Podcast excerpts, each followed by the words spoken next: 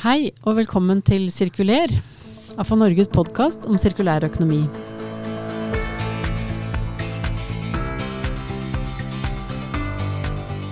Mitt navn er Nancy Strand, og jeg sitter her i dag sammen med Runar Baalsrud og Kåre Fostervoll i AFA Norge. Og vi skal snakke om statsbudsjettet for 2024. Velkommen til dere. Takk. Takk, takk. Du, eh, em, aller først, eh, Kåre, eh, Kåre Fostervoll. Du er eh, direktør samfunnskontakt i AFA Norge og har lang fartstid i politikken. Um, bare en sånn liten kort intro liksom til, til uh, hva skjer når, når uh, finansministeren Hvorfor skal han stå opp så tidlig om morgenen, det lurer jeg på, uh, den dagen han legger fram statsbudsjettet?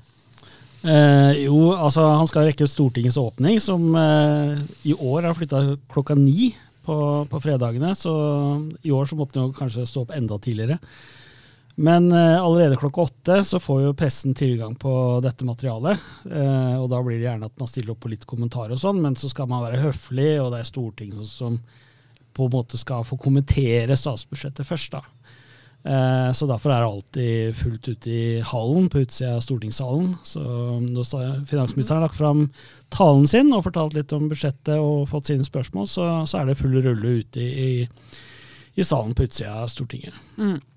Og så, eh, Nå foregriper jeg begivenhetens gang litt, men nå skjer det da en hel masse ting. Det skal vi komme litt tilbake til rundt eh, hvordan dette til syvende og sist blir vedtatt. Men vi snakker nå om en prosess som går helt fram til, eh, til jul. Ja, altså, og det går fort. Eh, nå allerede til mandag, eh, 16., så starter eh, høringene. Så er det alle komiteene. altså Først så er det jo finanskomiteen som på en måte vedtar rammene for komiteene, altså de ulike områdene. Hvor mye penger de får å, å bruke. Og så er det jo da lagt fram et forslag fra regjeringen, de ulike utgiftspostene og inntektspostene. Eh, men komiteene kan eh, innafor sin ramme flytte på pengene. Mm. Men eh, for å da få innspill da, og ha den åpne prosessen som vi er gode på i Norge, så starter man med høringer 16.10, og så har siste høringen 26. Så allerede i dag, og nå er det den eh, Hvor er vi? 9. I dag er vi 9. oktober, 9. når vi spiller oktober, inn denne. vi spiller ja. denne, ja. Så da er det frist for å melde seg på høring. Ja. Eh, og så etter disse høringene så begynner arbeidet i komiteene, eh, der man eh, kommenterer på de ulike postene. Man prøver kanskje å foreslå noen endringer. Det er veldig veldig lite endringer av totalbudsjettet eh, i løpet av en sånn prosess, men noen små endringer er det. Eh, og så går jo selvfølgelig støttepartiet da, til regjeringen, SV, går inn i forhandlinger da, for å eh, få til et helhetlig budsjett der de ser på alle rammene. da. Mm. Så, ja. Men fram til jul så blir det da eh, beslutninger i Stortinget, og så blir det endelig statsbudsjettet vedtatt rett før de reiser på ferie, tror jeg. Ja, ikke sant. Vi skal komme litt tilbake til hva, hva de konkrete sakene som AFA Norge kommer til å ta opp eh, i de høringene vi AFA Norge skal være med på. Men uh, Runar Baasrud, du er jo administrerende direktør i AFA Norge, og du har lang fartstid fra um, kommunepolitikken. Um, så, men hva, hvilket, eh, hvilket eh, hovedinntrykk er det du, du sitter igjen med etter at forslaget ble lagt fram? Ja, nå er det første gang jeg liksom har fått dukka det inn litt i det, eh, fra iallfall Norge si, si, eh, sitt ståsted. Da. Og det er jo litt annerledes enn fra eh, Som ordfører i en kommune, så ser man litt annerledes på det. Men, eh, men det som eh, Det inntrykket jeg vel foreløpig har, det er jo at eh, dette i stor grad er en, hva skal jeg si, en videreføring av eh, fjorårets budsjett. Eh, At eh, ja, eh, det er klart det, det er en del bra i forhold til eh, CO2 og reduksjon og fokus på det, men samtidig så må jo jeg si at jeg, jeg savner jo eh, liksom den helhetlige tankesettet rundt sirkulærøkonomi. Det er veldig vanskelig å finne eh, klare indikasjoner i dette eh, budsjettet som liksom går på at man satser på sirkulærøkonomi framover. Så, så jeg må jo si jeg er eh, skuffa. Eh, jeg må si det. Jeg, jeg trodde det skulle vært eh, noe mer signaler og, og, og ting inn i dette budsjettet. Ja, at vi rett og slett skulle se litt tydeligere spor etter, etter en omlegging til en mer sirkulær økonomi. Ja, vi trenger jo det. Eh, Vi har jo en, eh, lineær økonomi i dette landet her, og, vi er nødt for å gå over til en til mer sirkulær økonomi. Og, og da må vi starte. Og i, i, det budsjettet her så er det veldig få spor at man, etter at man skal starte den prosessen framover. Mm. Hva, hva, sier du, Kåre? Hva, hva er ditt uh, hovedinntrykk her? Nei, altså Statsbudsjettet er jo på 1882 milliarder kroner. Eh, og selv om veldig mye av midlene er bundet opp da, av lønninger og, og tjenester som, som, staten skal levere og videreføre og kanskje øke noe på, eh, så burde det være noe tegn. Altså, Regjeringen har jo varsla en handlingsplan for sirkulærøkonomi. Den skulle komme i høst. Det kan jo hende de rekker det for jul, vi vet ikke. Men da burde man også se spor av den i statsbudsjettet. Altså Her kommer det et program, her kommer det kanskje en støtteordning, her kommer det kanskje en beskrivelse da, av hvordan statsbudsjettet ivaretar den handlingsplanen. Jeg gjentar, det er en handlingsplan, det er ikke en sånn mm. visjon, men nå er det handling. Mm. Da burde det være synlig i statsbudsjettet i år. Vi så etter det i fjor, vi fant ikke da heller. Uh, og så er det noen sånne små poster som vi kanskje kommer innom senere i opptaket her. Men uh, jeg hadde håpa at eh, det var like stort fokus nå på sirkulærøkonomi som det det er på klima. Mm. For det, dette her henger sammen, og vi får ikke til å nå målsettingene våre på klima hvis vi ikke gjør noe ordentlig på sirkulærøkonomien. Mm, mm. Uh, ja, mm, Runar? Ja, og, og, det vi kanskje etterlyser først og fremst, det er jo at man ser etter sirkulære forretningsmodeller, og at man har et virkemiddelapparat som bygger opp under det. Da. Det, det er det dessverre ingen tegn til i, i det budsjettet. Mm. Ja, det, vi har jo etterlyst en tydeligere satsing i virkemiddelapparatet rundt disse temaene. Og kompetanse og innovasjon er jo helt avgjørende for å lykkes. Ja, absolutt. Og, og, det er jo ikke mangel på programmer. Altså, vi har jo fantastisk mange støtteordninger eh, og, og, virkemidler i Norge. Men det er veldig sentrert rundt det vi holdt på med før. Mm. Og så kommer det noe på innovasjon, det kommer noe på, på forretningsutvikling også. Men, men, det burde vært veldig tydelig på at for, eh, sirkulærøkonomien er litt annerledes enn lineærøkonomien, så man må tenke litt annerledes også hvis man skal omstille samfunnet. Og det er jo en krevende prosess å omstille både samfunnet med innbyggerne, men også næringslivet. Eh, så det ensidige fokuset på, på klima syns jeg er veldig uheldig. Så langt vi har kommet nå, nå er det 4-24 vi snakker om, nei 2024. Og eh, vi har noen målsettinger i 25, 27, 30, 35 og 50. Og vi har fortsatt liksom ikke satt oss ned og sagt hva skal vi gjøre med denne sirkulære økonomien? Mm. Hva betyr, det, hva hva betyr, betyr det, for oss? Ja. Men er det, et, eh, er det, et, fenomen her at vi, at vi uh, har liksom lagt oss opp, veldig tydelig opp mot EU, og da venter vi egentlig bare på neste utspill eller neste direktiv mm. fra EU? Men, men, det er litt sånn unorsk tilnærming, akkurat det med sirkulærøkonomi. For der, der, henger vi på, oss på EU, og det, det er krevende nok, det.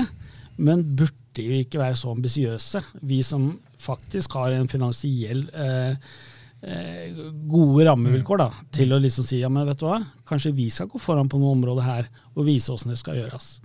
Eh, jeg ser det, det vises til Nederland, og det er jo mange andre som har kommet langt på sirkulærøkonomi. Mens vi sitter da altså og egentlig dilter vi etter for å si det på godt norsk. Mm.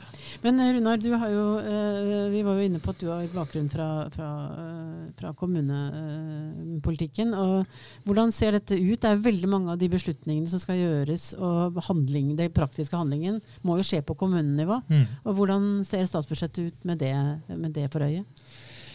Nei, det er, det er, veldig lite som uh, ser ut til å, uh, å være positivt for, for, kommunene. Da. Vi har jo sett at uh, klimasatsmidlene, det er jo stopp på.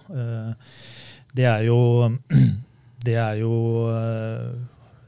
tiltak som, som ja, har fått i gang mye av prosessen i kommunene.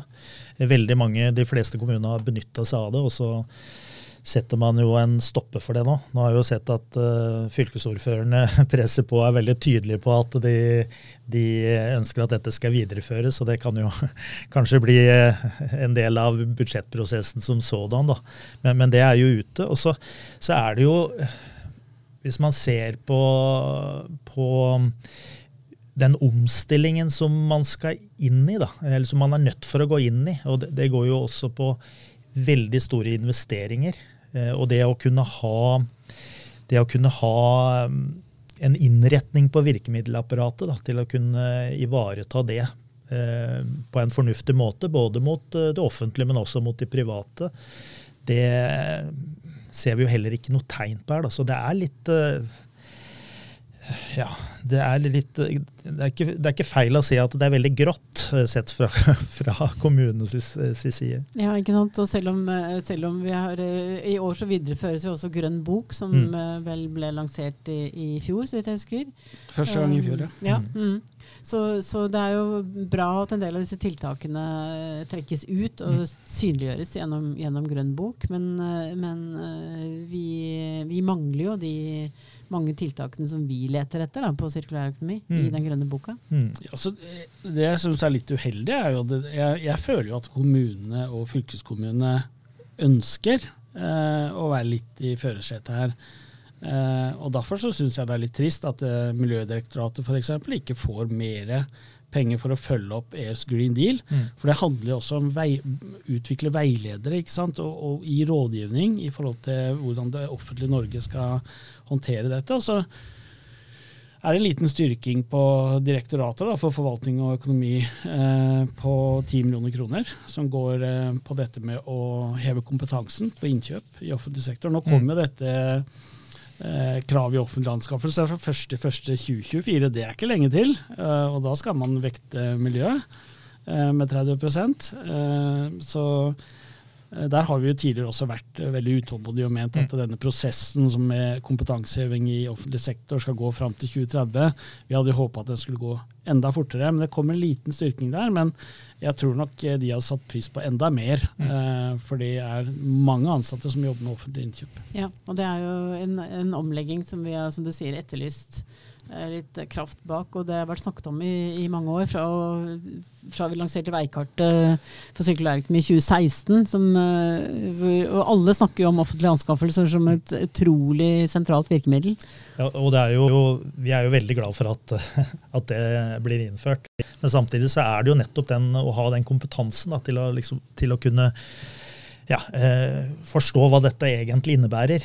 Det er jo det som er utfordrende. Eh, og, og ja, satsingen som sådan, de eh, få millionene som, som er eh, putta inn på det i budsjettet, er, eh, er lite. Mm. Er, altså kommunene og fylkeskommunene har jo også en annen veldig spennende rolle, syns jeg. Og det er dette med næringsutvikling og det å nettopp stimulere det sirkulære næringslivet da, mm. i, i, regionen. Fordi det, dette handler jo om Eh, et sirkulært næringsliv er jo også fra de minste eh, til liksom de store omleggingene hos de store. Men mm. det handler jo også om å utvikle et, et næringsliv som, som, som, kanskje også har, har vi mista litt. altså Alt fra reparasjonsbedrifter og, og, Nå skal vi jo få en forbrukerlovgivning som sier uh, retten til å få ting reparert. Mm. Uh, som for øvrig også kommer via EU. Men altså den, dette, vi trenger jo et næringsliv som, som står klare til å, å, å levere på det, på, på, de, på de, kravene. Mm. mm. Ja, og det, det, er jo kjempeviktig at vi gjennom offentlige anskaffelser da, setter et press for å kunne lage et marked på noe av dette her.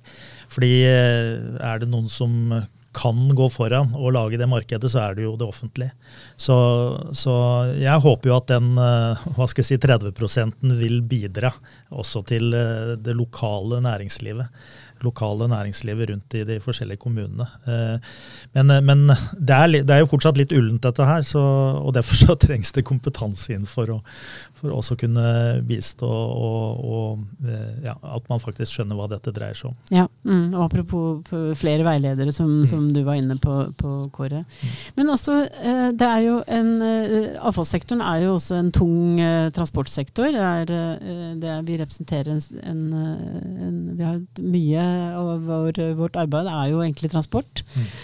Så, så, hvordan ser liksom transport- og samferdselsbudsjettet ut her for, for 2024? Ja, det, det, tror jeg vi kan ha en egen podkast om. Ja. Eh, men eh, Har vi kortversjonen i denne? Nei, nei altså eh, Det vi ser, er jo at eh, dette med bærekraftsrapportering eh, kommer jo til å sette sitt preg på hele næringslivet, egentlig, om, og, om det er offentlig eller privat sektor. Eh, så, så, der tror jeg det kommer mye spennende etter hvert. Men vi hadde jo gitt den rollen vi har i samfunnet, eh, så hadde vi jo gjerne ønska at det, vi hadde fått mye tydeligere tilbakemeldinger på disse vedtakene som er gjort i Stortinget på biogass. Mm. Eh, fordi at det er på en måte den, den, i hvert fall den kortsiktige løsningen da, på å få ned klimagassutslippene på transport, er jo å få brukt biogassen. Eh, og der har vi virkelig slåss i oppoverbakke. Eh, føler ikke helt at myndighetene og departementer har vært med oss der. Eh, og se dette sirkulærøkonomiske prinsippet i å bruke og forvalte disse ressursene på en god måte. Eh, så der har vi jobba veldig godt med Stortinget, egentlig, og Stortinget har gjort gode vedtak. Men dette er jo også noe som ble lagt fram i statsbudsjettet, Nancy. Og der skal regjeringen rapportere på har, hvordan har de fulgt opp Stortingets vedtak. Og når det gjelder biogass, så, så er vel mesteparten svart ut der på biogass at dette kommer vi tilbake til seinere. Mm. Men det er veldig viktig for bransjen, fordi at transportørene ønsker jo å, å, være med på dette løpet her. Og det snakkes mye om hydrogen, det snakkes mye om el. Når det er tungtransport, mm. så er det én løsning vi har som er helt klar nå, og det er biogass. Men vi har ikke infrastrukturen på plass. Og så er det fortsatt litt dyrere enn diesel. Eh, så eh, incitamentet for å få dette til å, å, å spille på lag, der føler jeg vi har med Stortinget, men vi har ikke helt med oss regjeringen. Mm, mm.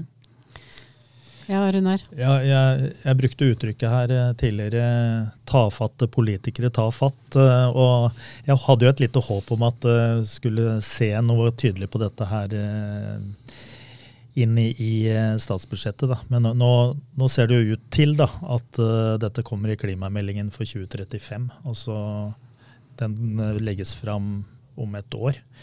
Så vi får håpe at det blir veldig tydelig eh, i den klimameldinga. Eh, for dette her er Jeg syns det er uh, utrolig synd, og det er, det er, tafatt at man faktisk ikke har klart å sette en målsetting i forhold til uh, produksjon og sette et tall på det. Og så skal ikke jeg legge meg inn i hva, det, hva den biogassen skal brukes til. Men uh, man, man, må jo utnytte den, uh, den uh, energikilden på en helt annen måte uh, framover.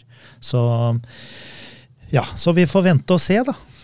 Ja, det er jo, litt, er jo egentlig en litt trist uh, konklusjon, vil jeg si. Men hvorfor er det sånn at biodrivstoff uh, har liksom uh, Si, for det er vel riktig å si at det har blitt prioritert over biogass? Altså, både i marked og, og fra myndighetssiden? Mm.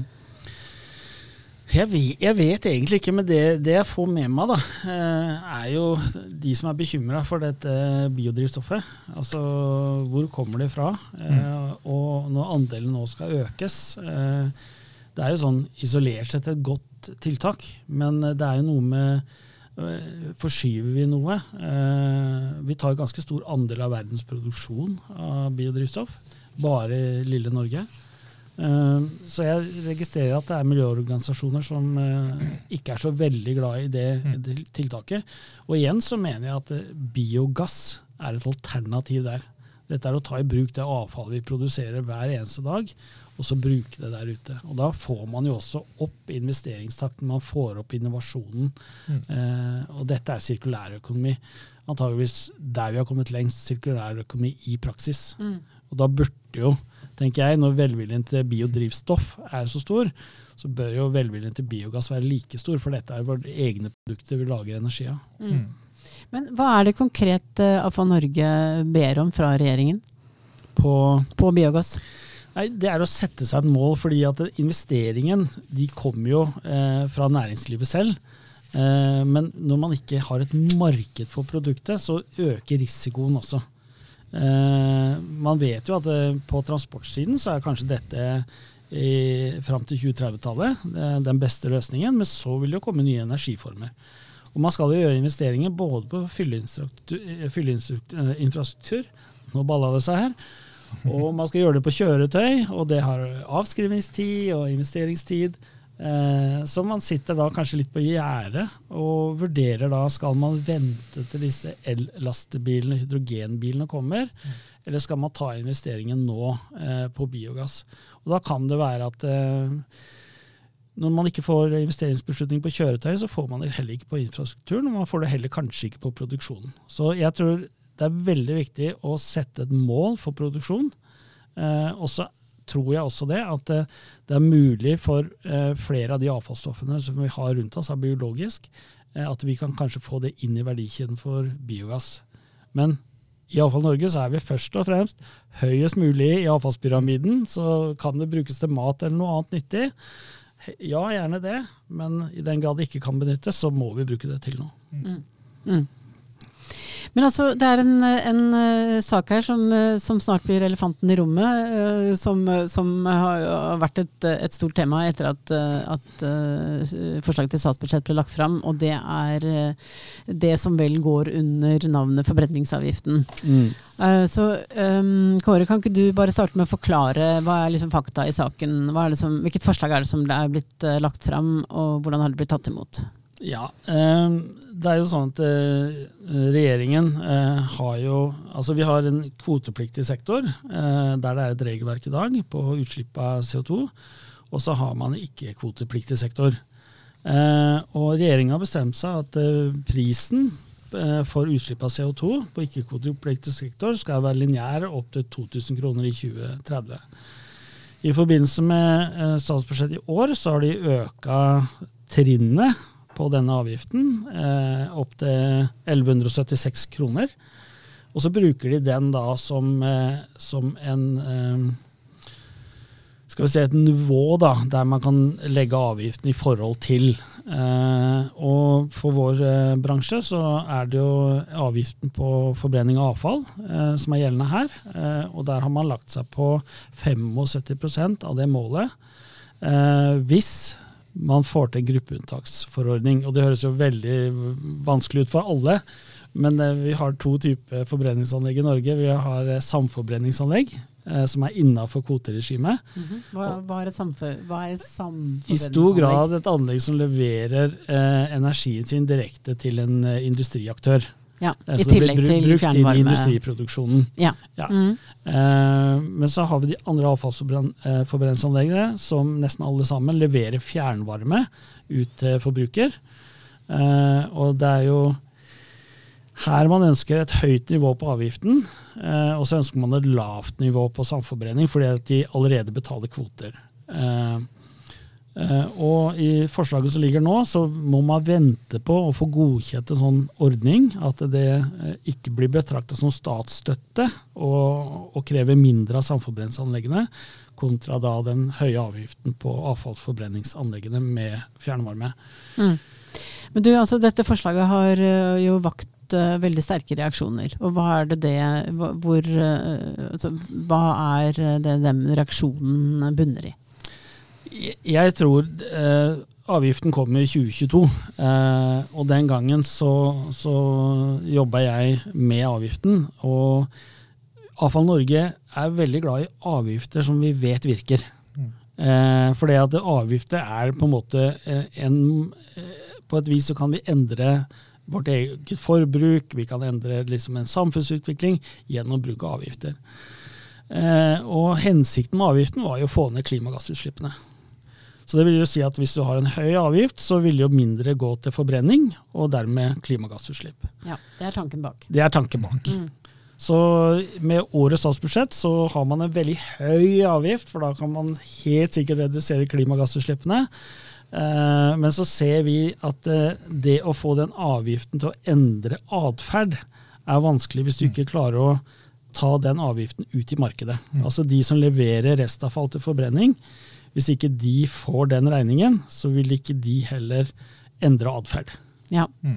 Dette her skal vi grave litt mer i, men Runar, hva, hva er liksom din øh, Hva er for Norges liksom, prinsipielle ståsted øh, rundt dette? For det er, dette er en kontroversiell sak. Ja, det er det. Og det er klart øh, Den foreslåtte avgiftsendringa den er jo dramatisk for avfallsforbrenningsanlegget.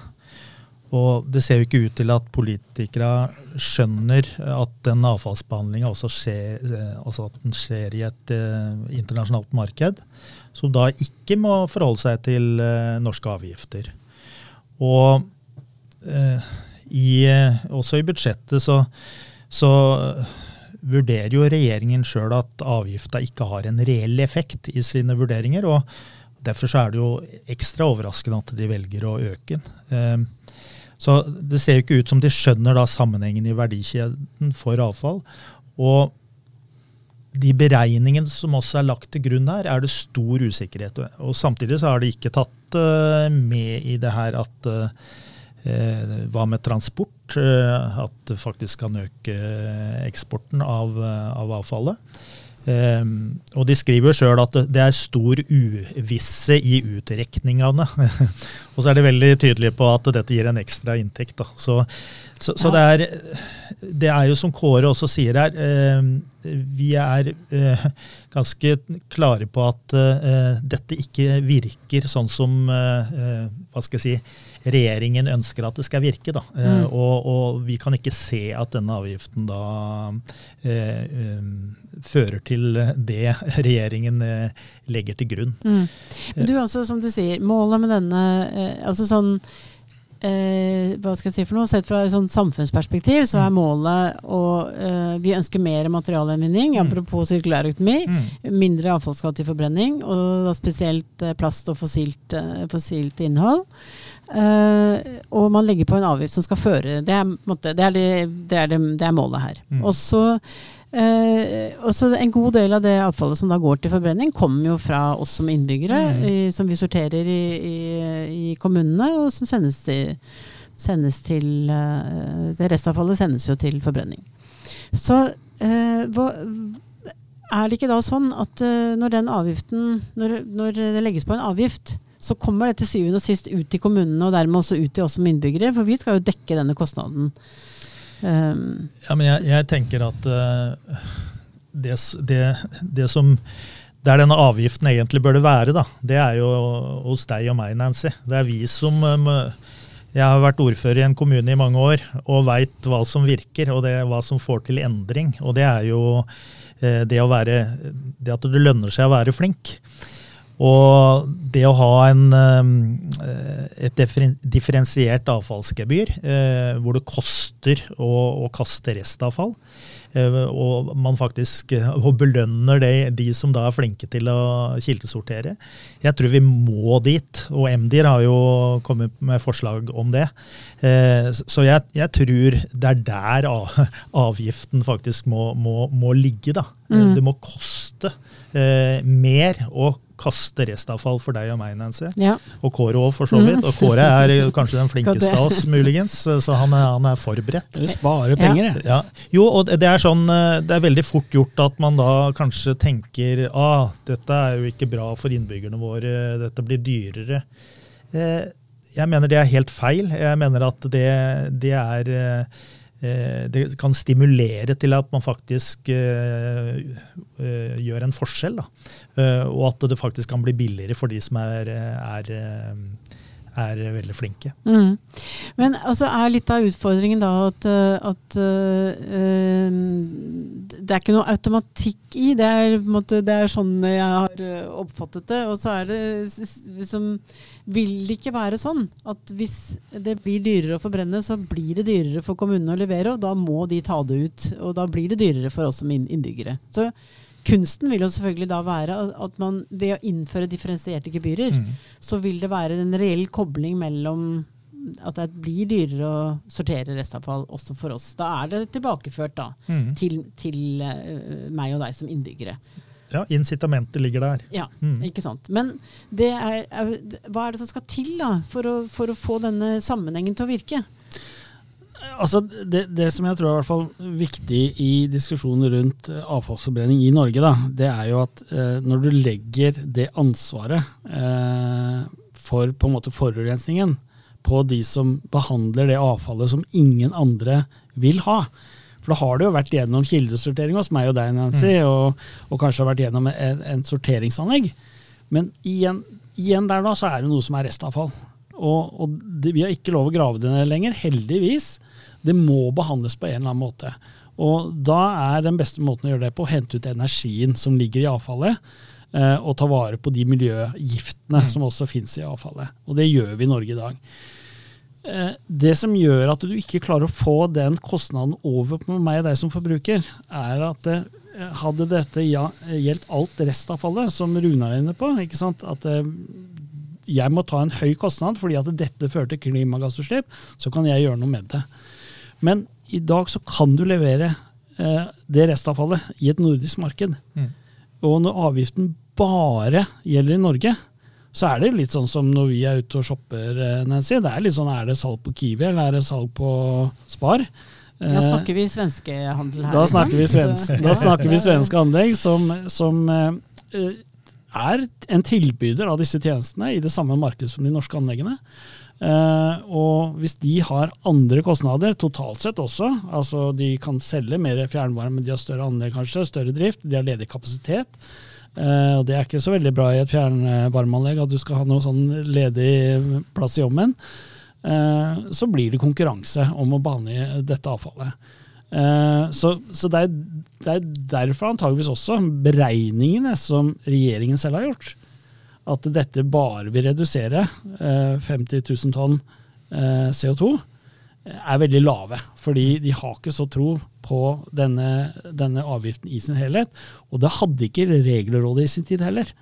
Der man skal, man skal konsekvensutrede før man innfører en slik avgift.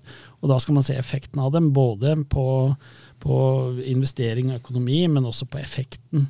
Og det er jo effekten her som jeg ikke klarer å finne. og, og basert på den 50 000, veldig usikre, nå husker jeg ikke nynorsken, Runar, men eh, tall, eh, så blir dette et kjempedyrt eh, klimatiltak, samtidig som vi kan risikere at vi eksporterer klimagassutslipp til Sverige og andre land.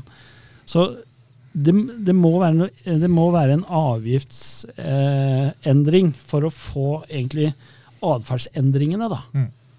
Eh, For hvis vi ikke får atferdsendringene, hvis vi ikke klarer å kildesortere dette avfallet vårt bedre, så er det ikke brukende til materialvinning heller. Altså Hvis du tar en rest, restavfallspose med alt mulig rart i dag, og åpner den og tenker hva har lyst til å ta vare på der, så er det svært lite. Og sånn er det også med de som kan velge jomfruelige råvarer kontra resirkulerte råvarer. Mm. Så hvis, hvis det ikke er noe marked der, så, så sliter vi. Så, så jeg er veldig tilhenger av, og restavfallsdunken min er det, den, det er den det er minst i. Eh, det er mest i plast og, og biologisk avfall. Mm. Men Altså, vi må jo si at, eh, at eh, det skjer jo på, den positive siden her, så vil jeg si det skjer jo også en del tiltak. Det, det er rundt dette her med å stimulere da, til mer sortering. Eh, men for det er jo noe med investeringene som er nødvendig for å hente ut f.eks. mer plast. Da, og også for så vidt det å få ut eh, mer det, det havner jo også en del matavfall i restavfallet f.eks. Altså, så det er jo ressurser der som vi ønsker å ta ut. Mm. Så det er liksom noe med så Jeg sitter igjen og prøver å skjønne det som dere sier. Jeg har jo jobbet litt med dette selv også, men jeg prøver å skjønne dette når du står utenfra da, og, og, og ikke er inne i alle disse irrgangene på hvilken vei avfallet tar, og hvem som beslutter hva osv. At, eh, Mm. at det fortsatt er ressurser som vi ønsker å ta ut. Men, men eh, eh, det jeg hører dere si, er at det er ikke denne avgiften som får dette til å skje. Det er andre ting. F.eks. Eh, dette med differensierte gebyrer. Er det liksom riktig eh, oppfattet? Ja, fordi ja, det, det, det var en liten ting som slo meg, og det var eh, i den eh, Miljødirektoratet har jo sett på en del forskjellige tiltak for å klare å utsortere mer ressurser fra avfallet. Hvorav det med differensierte gebyrer kommer ut som et veldig bra tiltak fordi det er billig. Eh, altså det er billig å innføre. Eh, Tiltaket er billig å innføre. Eh, det koster lite, da. Eh, I motsetning til en del andre ting. Mens her snakker vi om en avgift som på en måte er den andre enden av skalaen. Det er en veldig dyre, eh, dyr CO2-besparelse, da.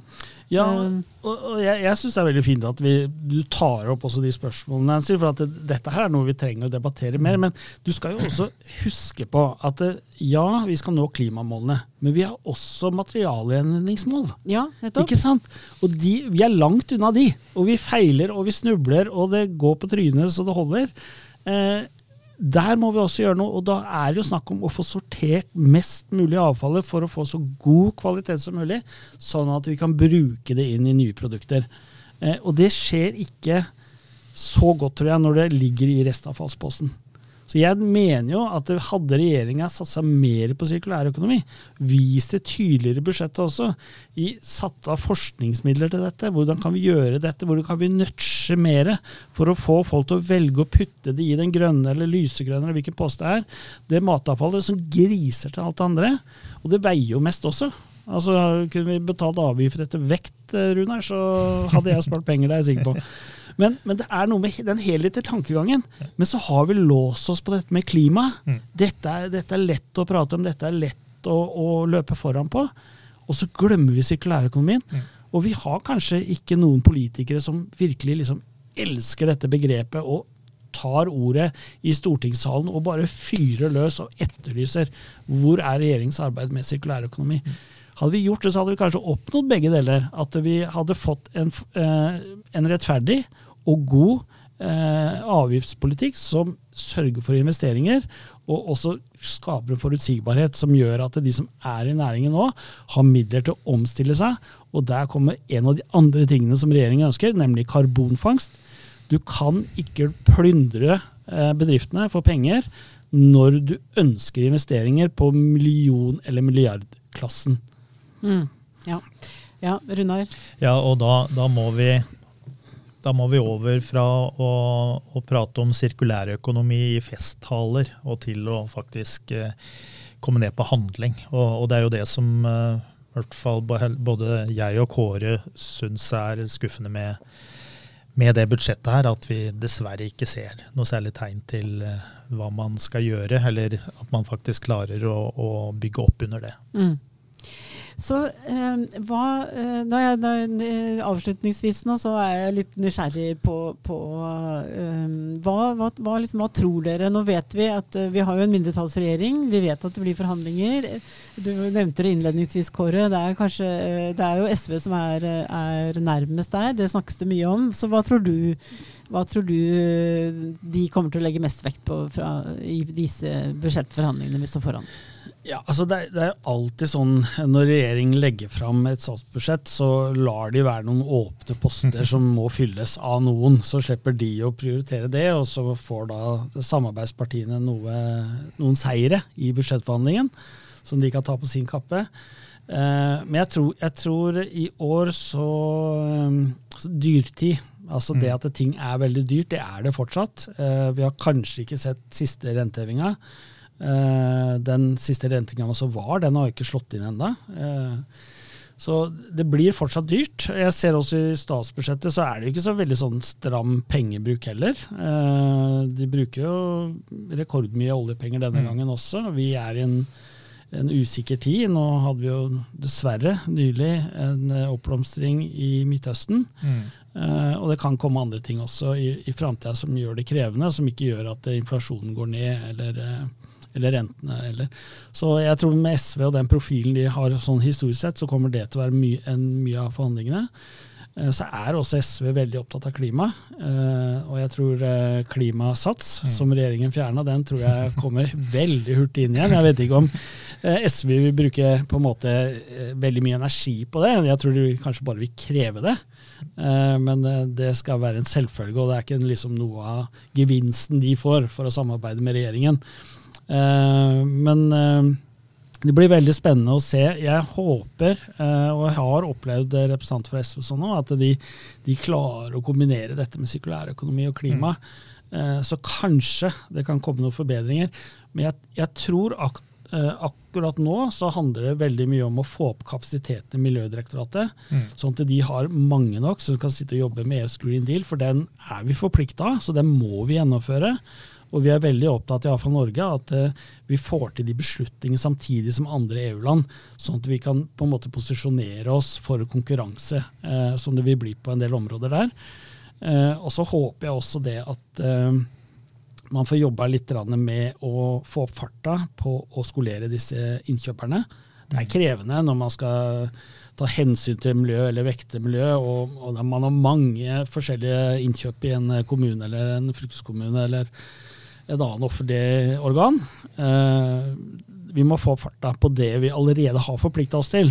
Og så er iallfall Norges rolle å være pådriver for enda mer. Og det skal vi kanskje gjøre i høringene. Vi har jo ikke blitt enige helt om hva vi skal si der ennå. Nei, så da, Hvis det er noen som har lyst til å, å, å mene noe til hva for Norge skal legge vekt på, så får de jo bare henvende seg til oss. Men uh, da tror jeg vi går uh, inn for landing i dag. Tusen takk, uh, Runar Bolsrud og Kåre Fostervold. Og takk til alle som har hørt på i dag. Og takk til vår produsent Håkon Bratland. Ha det bra.